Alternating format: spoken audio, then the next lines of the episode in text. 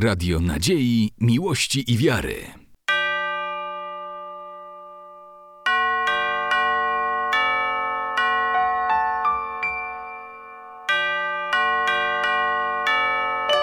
Radio Ortodoksja. Dziękuję przede wszystkim ojcom za zaproszenie. Jak zawsze potrafią zaskoczyć, zaprosić jakiegoś człowieka zupełnie z innej kategorii, że tak powiem, ludzi, którzy wypowiadają się na tematy związane z duchowością prawosławną. Wspaniali prelegenci, którzy byli i przede mną, i jeszcze ojciec Serafim, który będzie po mnie. W tym towarzystwie czuję się bardzo nieswojo, dlatego też bardzo proszę o to, tak jak zawsze wspominam takie słowa jednego ze świętych, greckich również, aby mówić o świętych trzeba wejść na poziom świętości pewien. Aby go osiągnąć, no trzeba być trochę świętym. Tego się samemu nie osiąga. Aby człowiek mógł skorzystać z słuchania o świętych, również musi zmienić troszeczkę swoje nastawienie.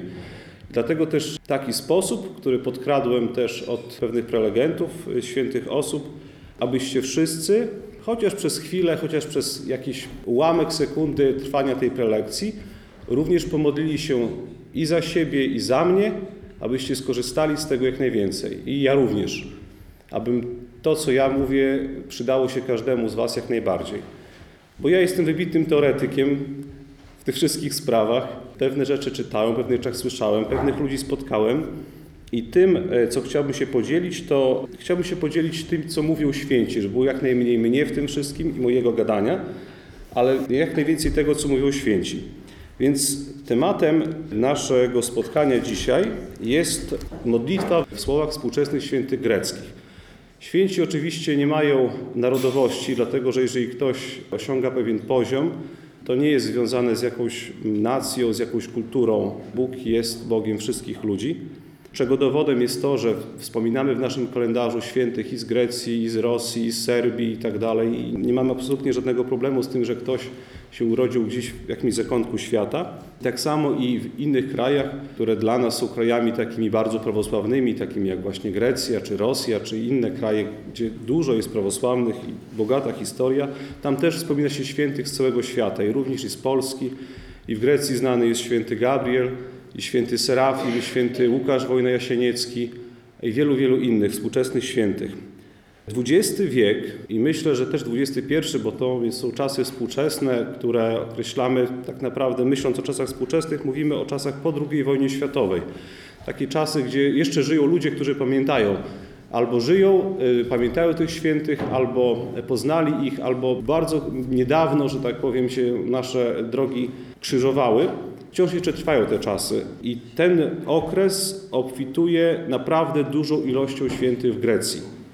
Naprawdę dużo. To jest, y, jak się zaczyna ten temat zgłębiać, to tych postaci jest tak dużo i one są tak ściśle ze sobą połączone więzami duchowymi, że można by o tym powiadać naprawdę godzinami.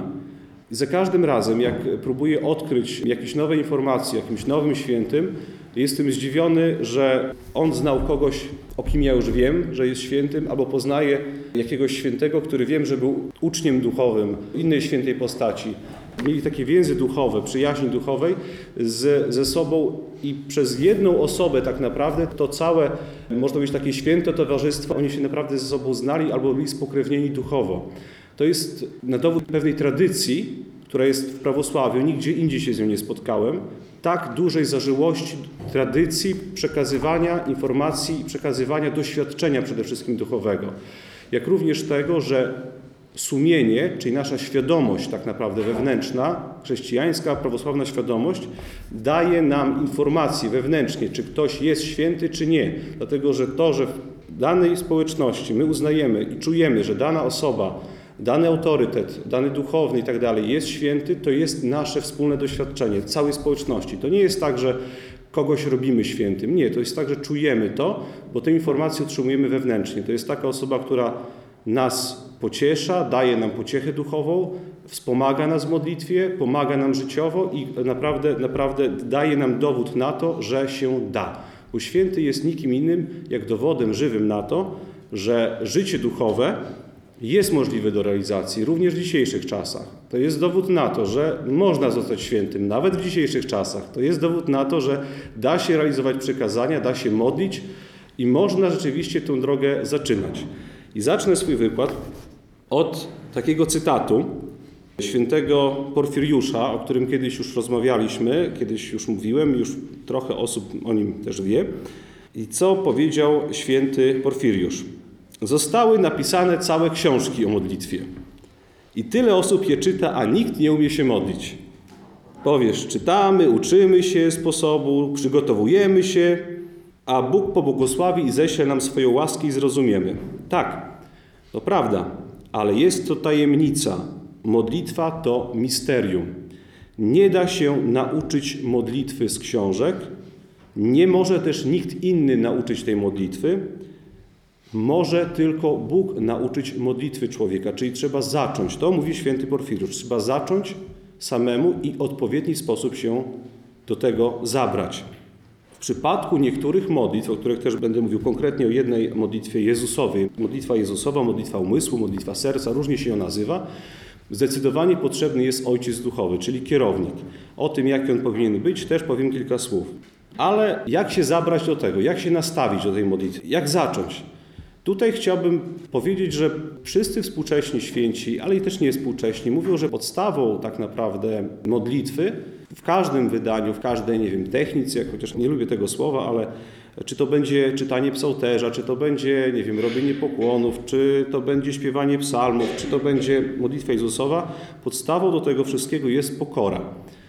Pod tym względem wszyscy są zgodni. Czy to będzie święty Paisjusz, czy to będzie święty Porfiriusz, czy święty Józef, Jakub, współcześnie kanonizowani, święty Daniel, Hieronim, święta Zofia z Kastorii, współcześnie kanonizowana też święta. Wszyscy mówią o tym, że podstawą tej modlitwy jest pokora. Pokora polega może niekoniecznie na tym, bo też nie chciałbym dużo o tym mówić, niekoniecznie na tym, że przybieramy pewien pokorny wyraz twarzy albo zaczynamy, że tak powiem, zewnętrznie okazywać pokorę. Nie, pokora wydaje mi się, że najlepszym taką definicją w przypadku modlitwy, na czym polega pokora, polega na tym, że prosimy po prostu błogosławieństwo o pozwolenie cerkwi albo ojca duchowego na to, że coś zaczynamy.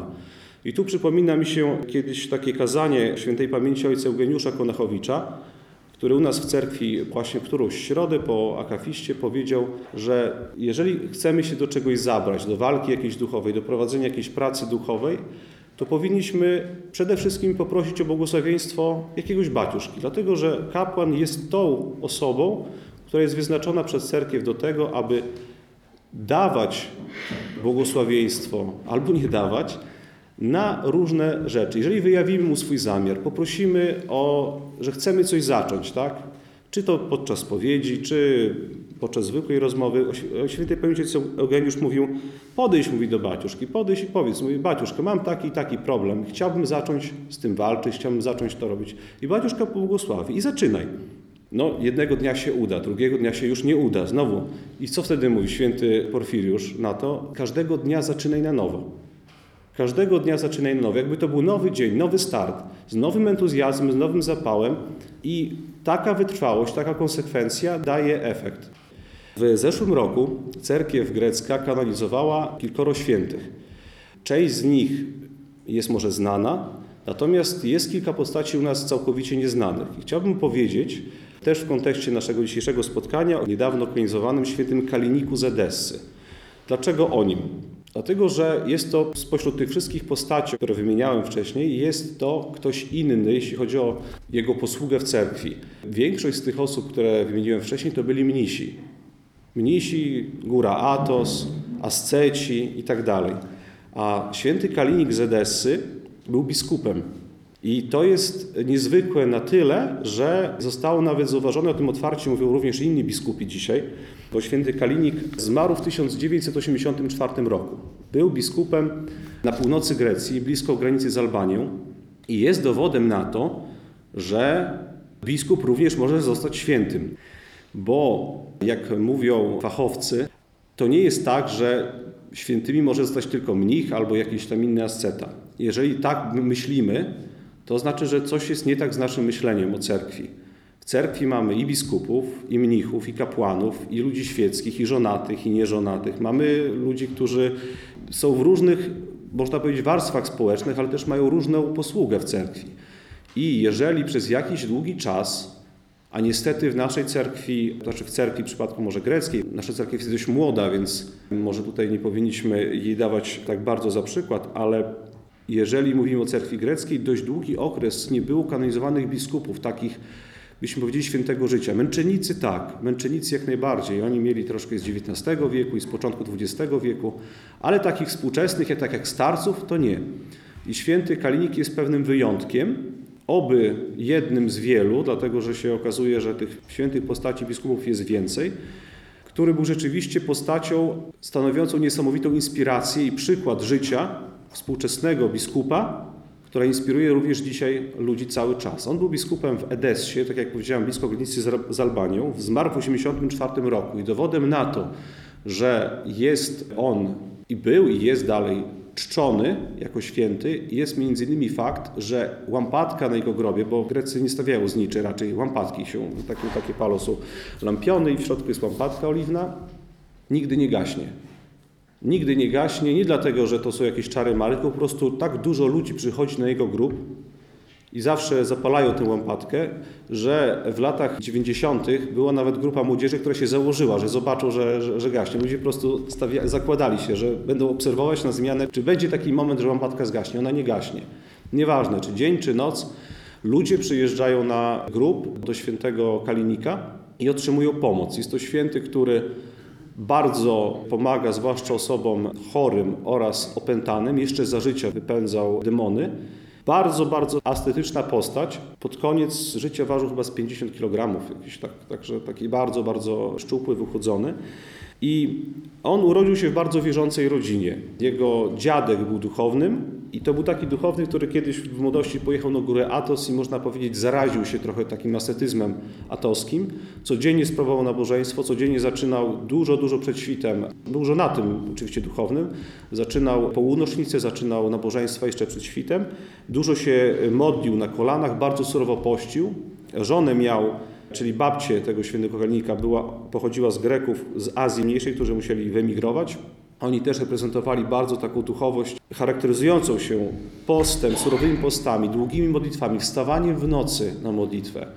Wstawanie w nocy na modlitwę i taką wielką miłością do świętych miejsc, zwłaszcza monasterów.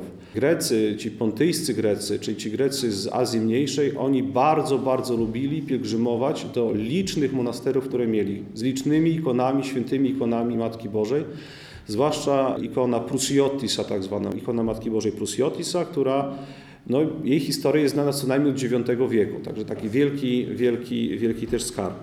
I w tym duchu właśnie on, ten dziadek, wychował swoje, swoje dzieci i również swoje wnuki. Miał ogromny wpływ na taką formację duchową świętego Kalinika. Święty Kalinik później został również biskupem. Odprawiał też nabożeństwo praktycznie codziennie, wypędzał również demony. Był też bardzo, bardzo wielkim człowiekiem nie przywiązującym uwagi do pieniędzy. Mówiło się o nim, że ma dziurawy portfel, czyli to też zauważyłem u wielu świętych. Czy u świętego Jakuba Celikisa, czy u takiego Atanazego, też współczesnego, jeszcze niekanonizowanego świętego, bardzo dużo ludzi przychodziło, dawało im w kopercie jakieś pieniądze i oni natychmiast dawali tę kopertę następnej osobie, którą widzieli. W ten sposób, tak? I oni mówili, że nie chcemy się dotykać pieniędzy w ten sposób, tak? To coś niesamowitego. Święty Jakub Calikis to do tego stopnia miał, że przez jego ręce przechodziło naprawdę duże sumy, ale on nigdy z nich nie korzystał, to znaczy nigdy sam nie, nie, nie dotknął tych pieniędzy.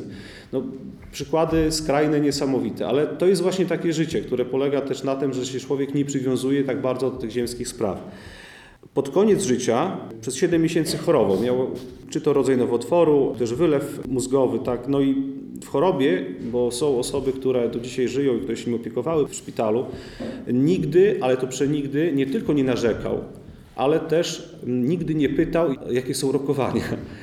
Czy dają mu nadzieję, czy nie. On nie, on mówił, no chwała Tobie Boże niech będzie wola Twoja. Natomiast jak pod koniec, e, pod koniec już choroby zaczynał, zaczynały być bardzo, bardzo nieznośne bóle, to mówił, no po prostu Boże zmiłuj się, bądź ze mną, tylko, tylko tyle. I bardzo ciekawie powiedział, że gdybym urodził się jeszcze raz, Gdyby tak można było, to nie zostawałbym biskupem, powiedział, ale bym został prostym mnichem, nie wiem, na Atosie czy gdziekolwiek indziej, jako osoba, która jest nowicjuszem, posłusznik, posłusznik po słowiańsku, po grecku i po taktikos, ten, który się komuś podporządkowuje. Praktycznie każdy święty, czy to święty Józef Hezychasta, czy właśnie święty Kalinikos mówili, że posiadanie swego ojca duchowego, którego można o to wszystko zapytać, na którego się też przekłada pewną odpowiedzialność za samego siebie, jest najcudowniejszym okresem w życiu, w życiu mnicha. Że to jest, to jest tak wspaniałe, tak cudowne, bo to jest okazja non-stop do okazywania pewnej pokory. Jeśli chodzi o nauczanie, tak jak powiedziałem, święty Kalinik mówił o pokorze, ale też to, w czym się bardzo w jednym duchu, że tak powiem, tu się zgadza ze świętym Porfiriuszem, to to, że kiedy go pytali duchowni, bo on miał sporo, zostawiał po sobie takich listów do duchownych, którzy go pytali o radę, jak, jak służyć, czego nauczać i tak dalej, on mówił tak, powiedz ludziom, to w szpitalu mówił, że najważniejsze to mówić o tym, że najszczęśliwszym człowiekiem jest ten, kto jest zjednoczony z Chrystusem. Ten, kto ma ze sobą Boga, kto jest razem z Chrystusem, ten nieważne jakie go nieszczęścia spotkają, nieważne co go w życiu spotka, ten jest najszczęśliwszy na świecie. I to mówi dokładnie to samo święty Porfiriusz. I też taka ciekawa rzecz, że kiedy się jest Chrystusem, starzec Porfiriusz mówi, że trzeba na pewną rzecz zwrócić uwagę, bo kiedy się nie jest, co można stracić, tak? Mówi, że trzeba uważać na jedną rzecz, na myśl krytykującą, na myśl osądzającą drugiego człowieka. Trzeba zwrócić uwagę na to, że jeżeli mamy w sobie chociaż cień narzekania, cień pretensji do drugiego człowieka, cień osądzenia drugiego człowieka, wtedy ryzykujemy natychmiast utratę tego, co zyskaliśmy poprzez modlitwę. Bóg wprowadza do modlitwy, mówi święty Porfiriusz, ale my możemy się bardzo łatwo stracić ten stan, ten nasz entuzjazm, to wszystko właśnie poprzez osądzanie. Święty Kalinik, kiedy podszedł do niego pewien duchowny i, i zaczął opowiadać jakąś sytuację, narzekając na kogoś tam, powiedzmy, ze swojego otoczenia, odpowiedział mu: Nie mów mi tych rzeczy, natychmiast mu przerwał. Nie mów mi, bo ja jestem już w szpitalu, ja chcę mieć czysty umysł, i ja nie chcę osądzać, a w tym momencie ja jestem dołączany do tego razem. I ja chcę stanąć przed Bogiem czysty, nie chcę osądzać. Także święty Kalinik jest takim współczesnym dowodem na to, że można się uświęcić, nieważne czy się jest kapłanem, czy, czy też świeckim człowiekiem. Nawet taki biskup, który ma bardzo dużą odpowiedzialność i też dużo, w związku z tym też i pokus, może zostać świętym. I dowodem na to, że działa, są bardzo liczne przypadki uzdrowienia, ukazywania się tego świętego. Mam nadzieję, że uda się kiedyś więcej o nim opowiedzieć. Kiedy bardzo dużo osób interesujących się prawosławiem interesuje się również modlitwą, zagadnieniem modlitwy, bardzo często jeśli chodzi o prawosławie, mówimy o modlitwie umysłu, czy o modlitwie Jezusowej. Jeżeli chodzi o modlitwę Jezusową, to ze współczesnych świętych najlepszym przykładem, najlepszym dowodem, może nauczycielem modlitwy jest święty Józef Hezychasta, również niedawno kanonizowany święty. O świętym Józefie literatura już w języku polskim jest, można ją gdzieś znaleźć. Święty Józef Hezychasta był jednym z największych współczesnych ascetów, ojcem duchowym siedmiu mnichów, którzy odrodzili życie duchowe kilku monasterach na Atosie, a najmłodszy z jego uczniów duchowych, Efrem z Filotheu, założył prawie 20 monasterów w USA i w Kanadzie. Takich prawdziwych monasterów, że tak powiem, żyjących, tętniących życiem i stanowiących gigantyczne wsparcie duchowe w tak, może być dziewiczych terenach. Tak? USA, pierwszy monaster, który założył, jeśli dobrze pamiętam, to jest Arizona, i święty Józef Hezychasta pozostawił po sobie w sumie dwa takie testamenty duchowe. Jeden to jest taka księga, którą sam napisał, księga bardziej porady duchowe o życiu duchowym oraz listy, które wysyłał do osób, które zadawały mu pytania. Święty Józef Hezychasta zmarł bodajże w 1957 bądź 1958 roku. I mimo, że on mówi też o bardzo wysokich sprawach, wydaje mi się, że dla nas najważniejsze będzie to, co mówił do osób początkujących, do osób zaczynających tę drogę. Więc on napisał pierwsze dwa listy, które zostały wydane, do młodzieńca pytającego o modlitwę Jezusową. I pozwolę sobie przeczytać kilka fragmentów, które przetłumaczyłem. Umiłowany Chrystusie, bracie mój, mam nadzieję, że u Ciebie wszystko w porządku. Modlitwa umysłu jest dla mnie tym, czym dana profesja jest dla każdego człowieka, gdyż zajmuje się nią już ponad 36 lat. Zatem praktykowanie modlitwy umysłu polega na stałym wymawianiu modlitwy swoimi ustami. Skup uwagę tylko na słowach: Panie Jezu Chryste, zmiłuj się nade mną. Gdy będziesz to czynił przez dłuższy czas, umysł się przyzwyczai i zacznie ją powtarzać. I Twój umysł będzie chciał wypowiadać tylko ją. Jeśli przerwiesz, poczujesz smutek. Na początku odmawia się modlitwę tylko kilka razy, później więcej, aż łaska Boża Cię okryje i zacznie działać we wnętrzu Twojej duszy. Modlitwę Jezusową odmawia się wszędzie. I na siedząco, i w łóżku, i chodząc, i na stojąco. Nieustannie się módlcie, we wszystkich dzięki czyńcie, mówi apostoł.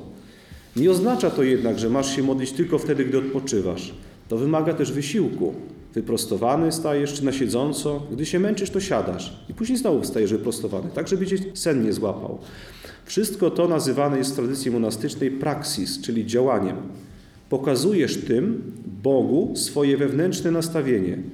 Bóg jest początkiem i końcem, Jego łaska działa we wszystkim. Natomiast co się tyczy tego, co należy czynić, odpowiedź brzmi: przestrzegaj przykazań. Gdy wstajesz w nocy i modlisz się, gdy widzisz chorego i mu współczujesz, gdy litujesz się i okazujesz pomoc wdowie, sierotom, starcom, wtedy Bóg cię kocha. I wtedy ty też go kochasz. On pierwszy, on pierwszy kocha i wylewa swoją łaskę. A my to samo, z tego samego, oddajemy mu to, co jego. Twoja od twoich, twoje od twojego. Zatem, jeśli chcesz znaleźć go tylko przez modlitwę Jezusową, nie wypuszczaj oddechu bez modlitwy. To jest o modlitwie Jezusowej. Święty Józef Hezychasta mówi też dużo, dużo więcej. On mówi o tym, że jest to proces. To nie jest tak, że modlitwy da się nauczyć, że da się ją zaliczyć na piątkę, czy na czwórkę, czy na trójkę.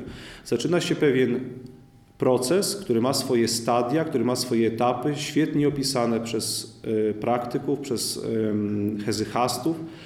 Na początku jest oczyszczenie, później jest oświecenie, później jest uświęcenie. Bardzo dużo się o tym pisze, ale początek jest taki, że musi być przestrzeganie przykazań, tak? I praktykowanie modlitwy, czyli jak najczęściej mówić, nie być przywiązanym, mówi święty Porfiriusz, nie być przywiązanym do miejsca. To nie jest tak, że sobie mamy jakieś tam miejsce i tylko tam się modlimy. Nie, to trzeba rozciągnąć na całe życie. Ja pamiętam takiego starca Jakuba współczesnego, mam nadzieję, że jeszcze ojciec Jakub żyje w świętej Annie i kiedyś poszliśmy ze znajomymi do niego, on mówi, słuchajcie, ja wam dużo nie powiem, powiem wam jedną radę. Powtarzajcie modlitwę Jezusową.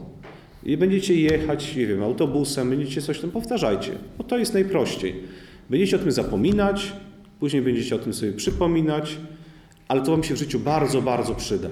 I to jest taka prawda, można powiedzieć, że jeżeli się o tym pamięta, to to nam pozwala połączyć się w jakiś sposób, przynajmniej myślowy, bo bardzo często w słowach coś mówimy, naszymi słowami mówimy, tak, natomiast y, w czynach jesteśmy zupełnie odmienni od tego i dalecy od tego, co, co mówimy. Ale przynajmniej na jakimś poziomie naszej świadomości możemy się z Bogiem połączyć. I później powolutku, powolutku, to mówią wszyscy, święty Porfiriusz też bardzo dużo, mówi, że to się dzieje powoli. To jest proces.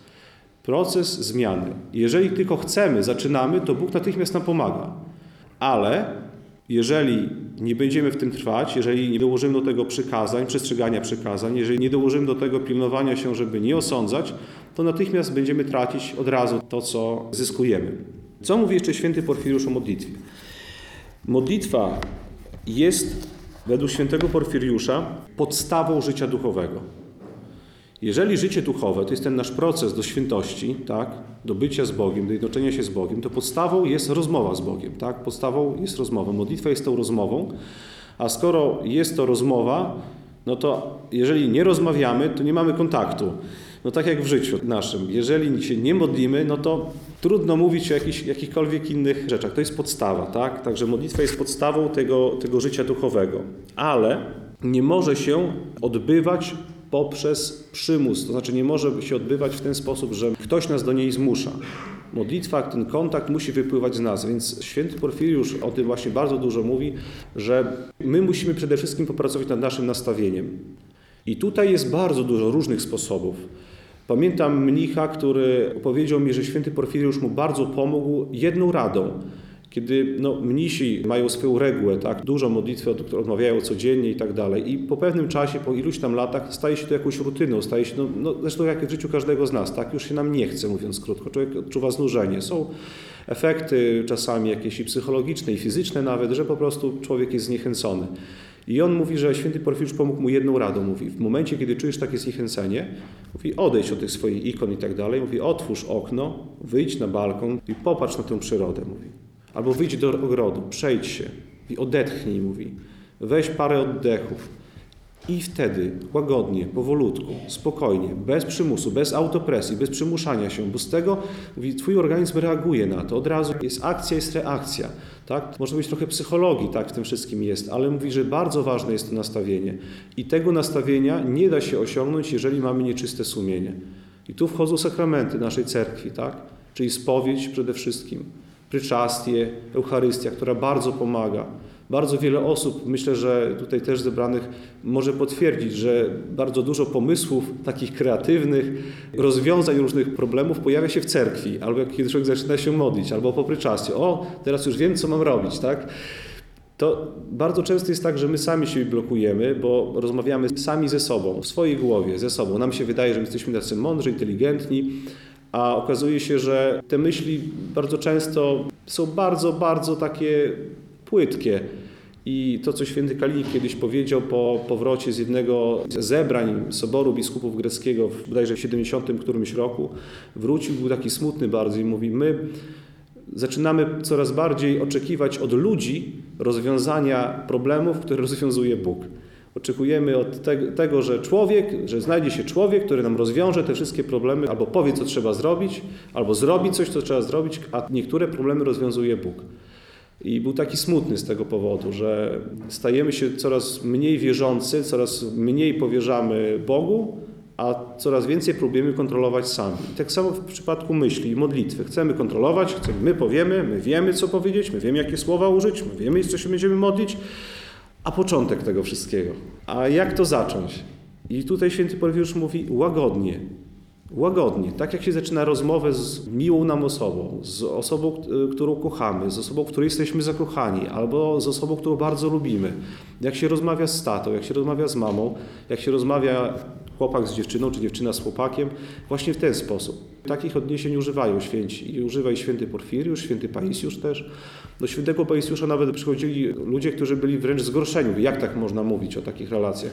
On mówi, jeśli by się udało osiągnąć taką relację, ona nie jest doskonała, bo to jest taka ludzka relacja, to już byłoby bardzo dużo.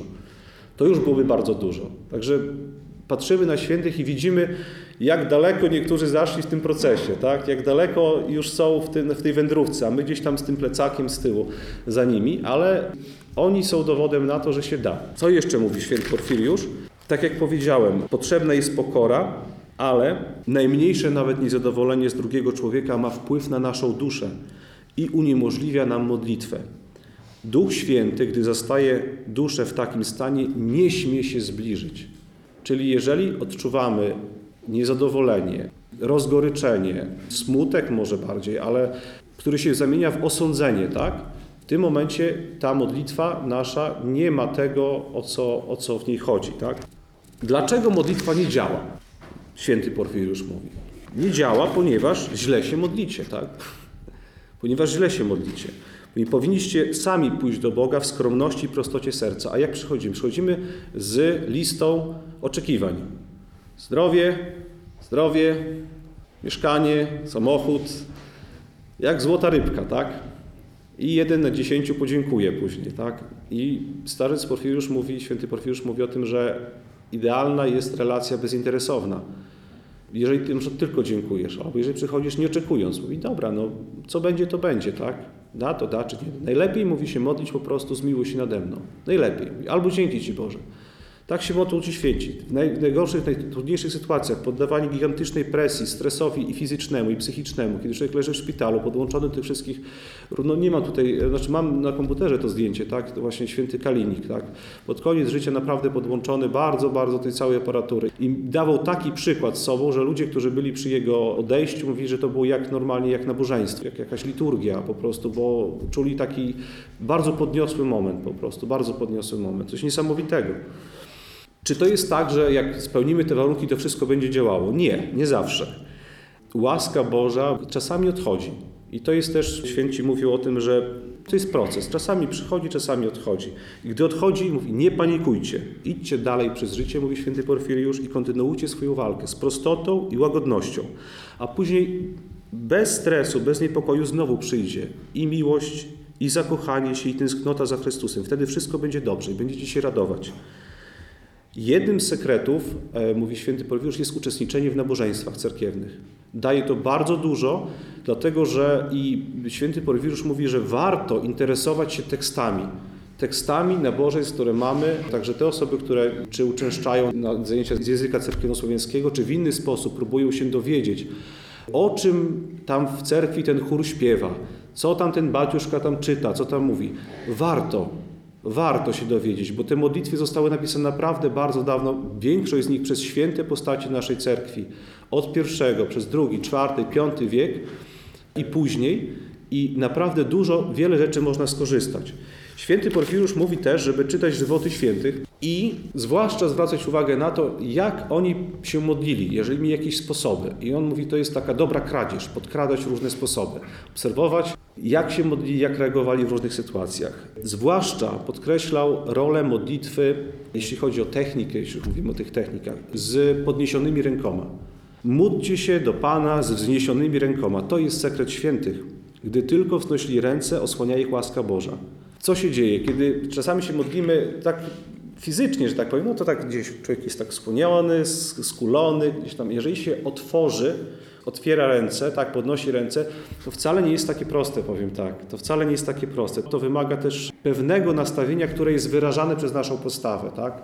Więc to też jest taka podpowiedź może, o której święci mówią. Modlitwa w nocy, to co rodzice, dziadkowie e, świętego Kalinika, ale również świętego Jakuba praktykowali. Modlitwa w nocy, stawanie w nocy. Święty Porfiriusz, który mieszkał w mieście, w Atenach, miasto kilkumilionowe, zdawał sobie sprawę z tego, jak my żyjemy dzisiaj, tak? że już to troszeczkę, to nie jest wieś, gdzie idziemy spać o 18 czy 19 i nie wstajemy tam o 4 nad ranem. I on mówił, że dobrze jest znaleźć sobie jedną albo dwie pory dnia, on zalecał 22 albo 4 rano i autentycznie o tych dwóch porach się modlił bardzo intensywnie za wszystkich, którzy prosili go o modlitwę. Kiedyś mówiłem o tym przypadku, że taki był młody archimandryta, który przyjeżdżał i miał wyjechać do świętego Porfiriusza i miał wyjechać do Kanady czy tam do Stanów, do cerkwi. No i mówi, módlcie się za mnie, módlcie się za mnie. Dobrze, dobrze, będę się modlił, mówi święty Porfiriusz, będę się modlił. Będę się za Ciebie modlił. A Ty też się za mnie modlił. Tak, tak, będę się modlił. No ale okazało się, że ze strony tego archimandryty to były takie gładkie słowa, można powiedzieć. Tak. Natomiast y, święty Porfiriusz się autentycznie tego człowieka modlił codziennie o 22. I było tak, że ten archimandryta pierwszego dnia po przyjeździe o 22 położył się tam spać i go jak prąd, jakby go prąd przeszło. Nie wiedział, co się dzieje. I po kilku razach on poprosił przez kolegę swego, żeby ten poprosił starca Porfiriusza, żeby jeszcze się za niego nie modlił. Dlatego, że on nie odpowiadał na tę modlitwę. On widocznie nie chciał. No to, to był wybór, tak? To nie można nikogo zmuszać do niczego. I święty Porfiriusz przestał się tego człowieka modlić zgodnie z jego prośbą. Bo ten się za niego gorąco modlił, a ten obiecywał, że się będzie modlił, ale się za niego nie modlił i nie chciał w związku z tym nic zmienić, tak? No, taki przykład, także to musi zawsze, zawsze grać w jedną i w drugą stronę, to znaczy musi być chęć z obu stron. Ważna jest intensywność, mówi święty Porfiriusz. Jeśli zrobisz 100 pokłonów, pozostaniesz obojętny, to nic nie będzie warte. Zrób choćby 20 czy 15, ale wykonuj je z pełną świadomością, co robisz. Tak? I jeszcze jedna rzecz. Jeżeli obojętnie z jakiego powodu czujesz w tym momencie, że ogarnie jakieś duchowe wzruszenie, taki stan takiego, tego, co nazywamy po słowiańsku umilenie, albo kataniksi po grecku, czyli takie rozrzewnienie duchowe, nie emocjonalne, ale po prostu, że czujemy, że tu jest jakieś takie ciepło wewnętrzne, to mówi, żeby wykorzystywać natychmiast taką okazję, natychmiast się pomodlić. Wykorzystujcie czas, bo dni są złe, tak jak mówi apostoł Paweł. Wykorzystywać okazję do modlitwy. Nie być przywiązany, dobra, to się pomodlę później, bo będzie ta 22. Nie, nie, nie. Nie przywiązywać się do tego, nie przywiązywać się do tego tak bardzo, do momentu, do miejsca, ale wykorzystywać okazje, które się nadarzają. I to, co też mówił święty Józef, czyli gdziekolwiek jesteście, na ławce, na krześle, w samochodzie, wszędzie, na drodze, w szkole, w biurze, Powtarzajcie modlitwę.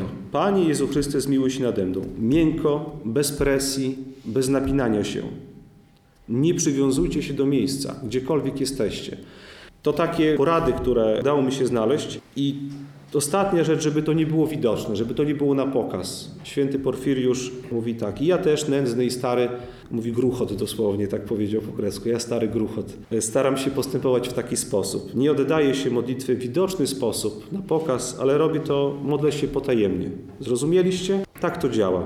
A łaska Boża przychodzi i daje trochę orzeźwienia, trochę i łaski i wam, i mi, i tymi, z którymi mieszkam, i tymi, z którymi się modlę, i pośród których żyję. Przewodnik duchowy w przypadku modlitwy Jezusowej jest według wszystkich świętych współczesnych bardzo, bardzo wymagany, bo jest to jedyna modlitwa, która jest wymawiana przede wszystkim w umyśle. Jeżeli chcemy praktykować ją tak, jak praktykują asceci, jak ją praktykują hezychaści, tu jest potrzebny doświadczony przewodnik duchowy.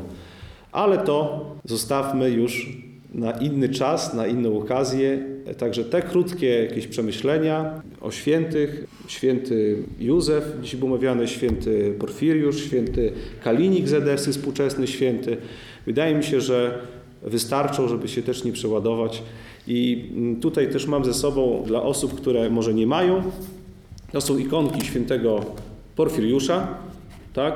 Zostawiam je tutaj. Każda osoba, która będzie chciała, może sobie wziąć ikoneczkę świętego Porfiriusza i też polecam serdecznie lekturze książkę o świętym Porfiriuszu, którą też można w różnych miejscach dostać. To tyle. Dziękuję bardzo. Dziękuję za zaproszenie ojcom i życzę wszystkiego dobrego pod koniec roku, aby ten post do końca przeszedł już spokojnie, owocnie przede wszystkim i aby bez większych problemów przejść do nowego roku i spotkać się podczas święta Bożego Narodzenia i zacząć kolejny rok. Wszystkiego dobrego. Radio Nadziei, Miłości i Wiary.